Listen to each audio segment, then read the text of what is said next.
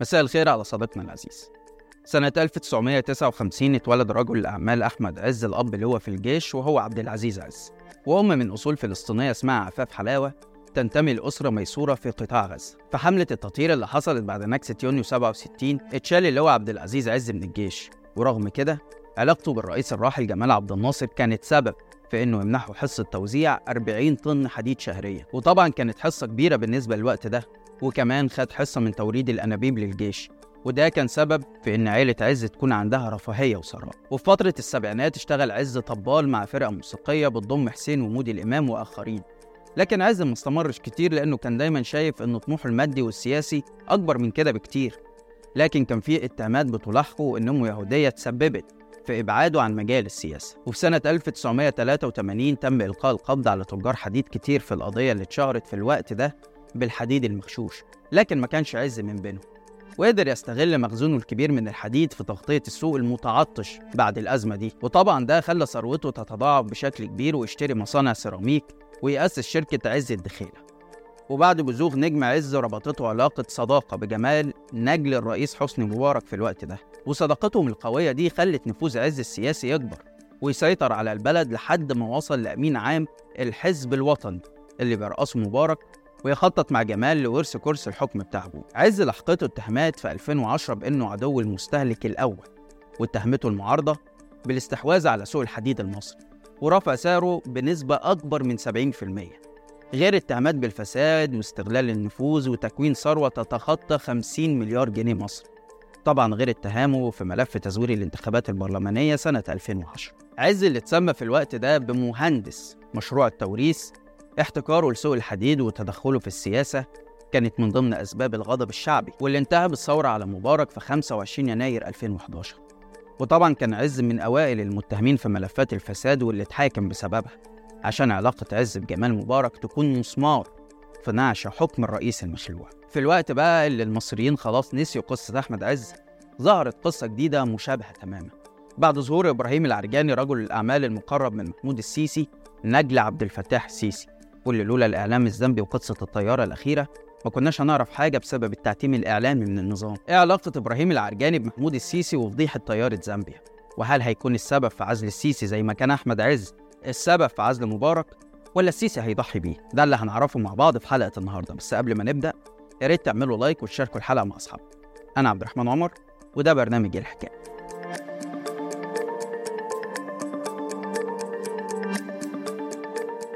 incident that occurred at the airport and the attendant locations, as crime would be always, what you see on the surface could be deeper. But as it were, this crime took place on Zambian soil, on our soils as a country, Zambia, purely, in my view, as a criminal act. And once people are arrested, they have to go to court. The court then triggers, takes over with the support of the law enforcement agencies, with the support of then the prosecution now.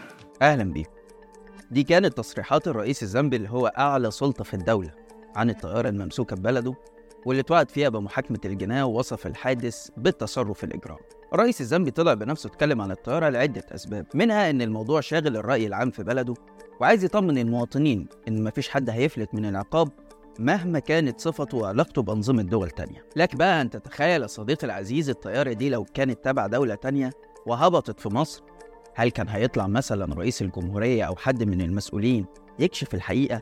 ولا كانت هتتم التسوية والمفاوضات السرية؟ في الحلقة اللي فاتت نقلنا كلام عن مصدر مطلع بوكالة الشرق الأوسط الرسمية وهو التصريح الوحيد شبه الرسمي اللي اتكلم عن الطيارة واللي قال إن الطيارة هبطت في مصر ترانزيت.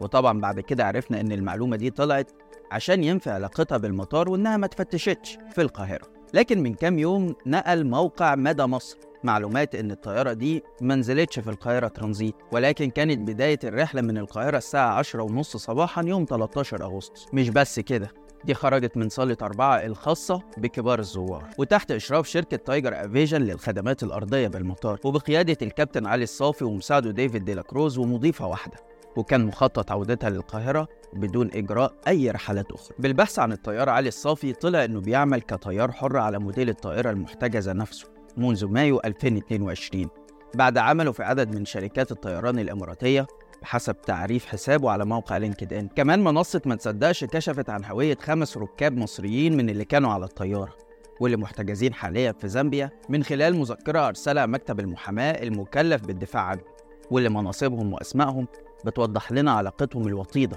بنظام السيسي. الاسم الأول هو محمد عبد الحق جودة العقيد في الجيش بسلاح الصعب واللي عمل سابقا كمساعد ملحق عسكري بالسفارة المصرية في واشنطن لما كانت رتبته رائد. الاسم الثاني مايكل عادل بطرس مالك شركة أمستون لتقديم الاستشارات العسكرية للجيوش المسجلة في لندن. وليها مكاتب في مصر والإمارات وأمريكا وشاركت بمعرض إيدكس مصر للصناعات الدفاعية سنة 2021 الثالث هو منير شاكر جرجس تاجر دهب عنده مصنع مصوغات ليه فرعين في القاهرة والزقازيق وعنده محلين دهب في فندق هيلنان لاندمارك في التجمع الخامس. واختارته الحكومة للمشاركة في معرض نيبو للذهب اللي نظمته مصر تزامنا مع رغبتها إنشاء مدينة الذهب بالعاصمة الإدارية. والاسمين التانيين صفاتهم غير معروفة بشكل واضح وهم وليد رفعت بطرس واللي ظهر اسمه في نعي بصحيفة الأهرام سنة 2017 باعتباره رائد شرطة واللي حاليا ممكن يكون مقدم أو عقيد. وياسر مختار الششتاوي واللي برضه لم يتم التأكد منه لكن البعض ربطوا بالعقيد ياسر الششتاوي ضابط الصاعقة المصرية حسب منصة ما تصدقش. طبعا الأسماء اللي تم الكشف عنها هنلاقي بينهم حاجات مشتركة زي إنهم يا إما ضباط يا إما رجال أعمال وليهم علاقات وثيقة بالنظام بسبب المناصب اللي هم فيها والفعاليات الحكومية اللي شاركوا فيها. وده يكشف لنا إزاي الطيارة دي قدرت تخرج من مطار القاهرة بدون تفتيش ومن صالة كبار الزوار كمان. طيب نيجي بقى للسؤال المهم. الطيارة اتقال إن عليها ست ركاب مصريين وعرفنا خمس أسماء منهم. مين السادس بقى؟ في هنا روايات كتير الحقيقة. منهم بتقول إن السادس ده هو عصام العرجاني نجل إبراهيم العرجاني وإن السلطات الزامبية أفرجت عنه قبل ما الموضوع يكبر وعشان كده ما ظهرش في المذكرة اللي أرسلها مكتب المحاماة. لكن هو نفسه طلع على حسابه على الإنستجرام وظهر بعد الحادثة دي وهو متصور على الكورنيش في القاهرة.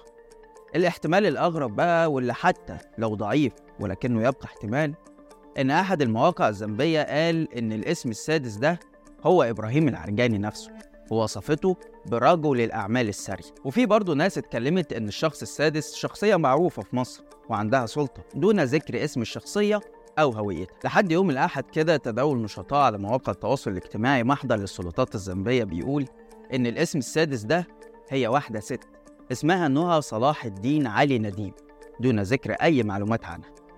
بغض النظر بقى عن الاحتمالات دي اللي سواء الأيام هتكشفها لنا أو لأ لكن ده يطرح سؤال وهو ليه اسم إبراهيم العرجاني ونجل عصام ظهرت في القضية دي؟ بعض النشطاء على مواقع التواصل ومنهم الصحفي هيثم غنيم عملوا تتبع لرحلات الطيارة دي وقارنوها مثلا بحساب عصام العرجاني على موقع الإنستجرام واللي صادفت تواجده في البلاد دي يوم إقلاعها ووصولها. كمان كشفوا إن عصام إبراهيم العرجاني حصل على رخصة الطيران التجاري CPL في أكتوبر 2022 الأكبر من كده بقى إن في اتهامات بتلاحق إبراهيم العرجاني نفسه بإنه صاحب الطيارة دي خصوصا إنه ظهر أكتر من مرة متصور فيها مع ابنه ولوحده وكمان عمل بيها رحلات مع وفد من المخابرات المصرية لطرابلس يوم 17 مايو 2023 واستقبلهم رئيس الحكومة الليبية عبد الحميد الدبيبه بنفسه وزي ما قلنا في الحلقة اللي فاتت إن ده السبب اللي خلى ميليشيا اتحاد قبائل سيناء المسلحة اللي بيرأسها العرجاني تطلع وتشكك في الخبر رغم عدم وجود صلة ليها بالموضوع.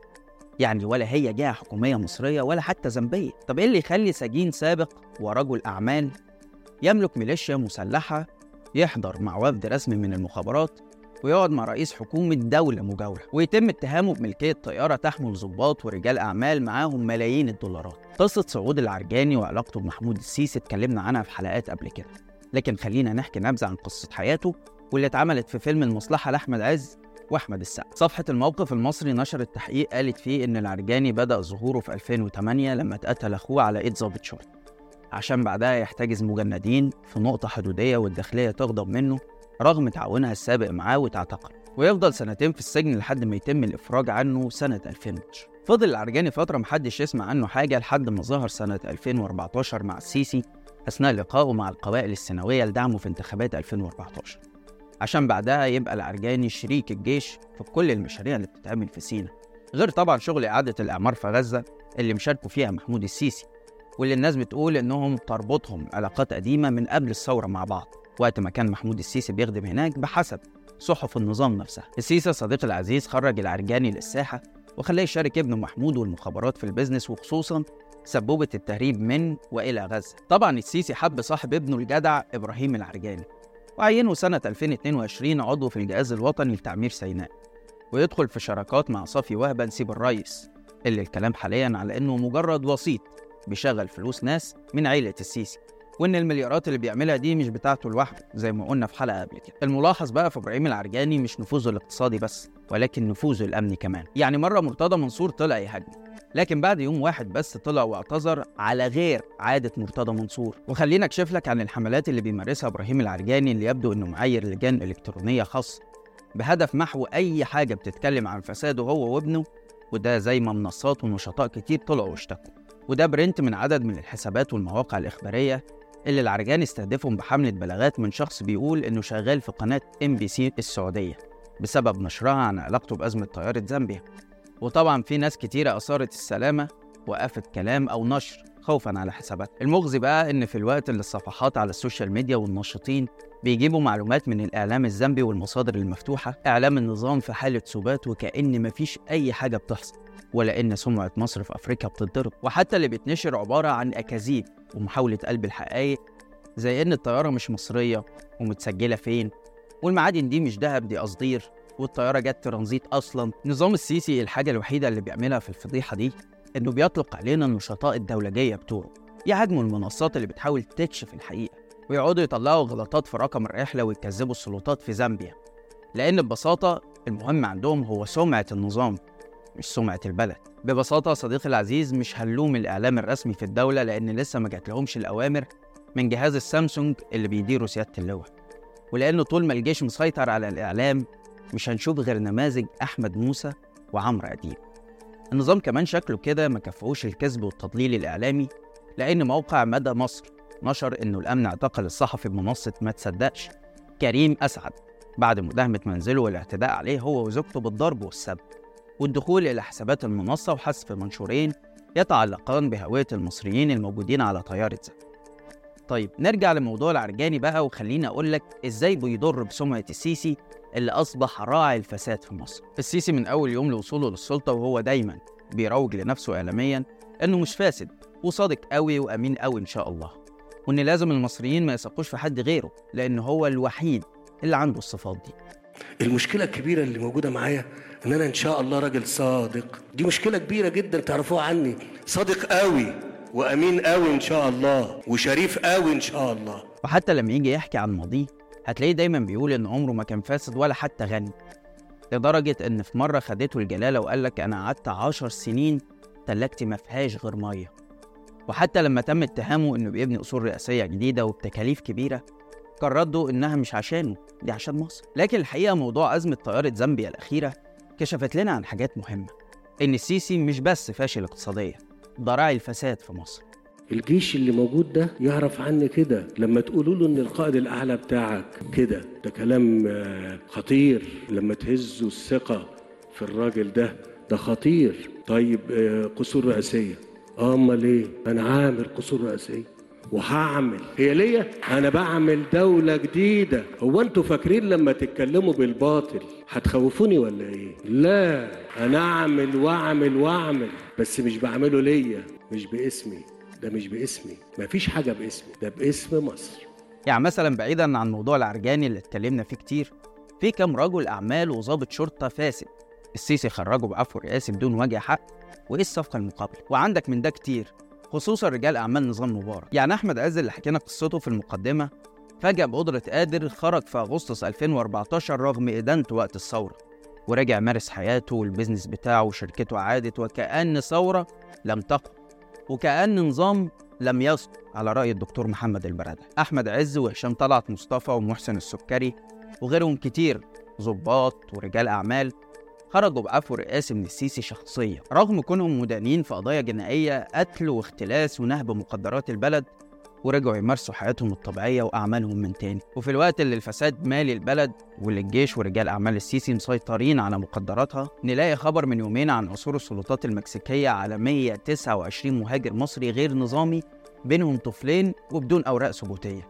وده يوريك اللي البلد وصلت. فسادة بيتحكموا في البلد ومواطنين تانيين رايحين آخر الدنيا عشان يعرفوا يعيشوا. من سوء حظ السيسي بقى إن موضوع فضيحة الطيارة ده جه في الوقت اللي السيسي بيحاول يمشي فيه لبر الأمان في الانتخابات الرئاسية الجديدة.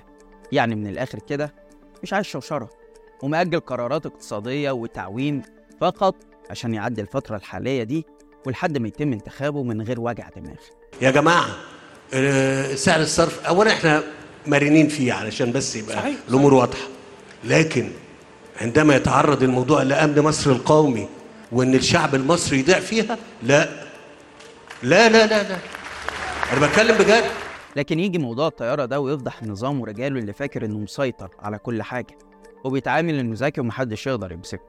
وطبعا اللي بيتمسك ده ما يجيش 10% من الحقيقة. يعني شوف الطيارة دي عملت كام رحلة وهربت كام مليون ولا مليار وفي كام طيارة زيها. لكن دايما الحرامي لازم يغلط ولما يغلط لازم يتحاسب.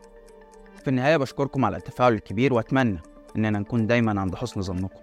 شارك الحلقة لو عجبتك وتابع حساب شباك وحسابي على الإنستجرام هتلاقي اللينك في الوصف.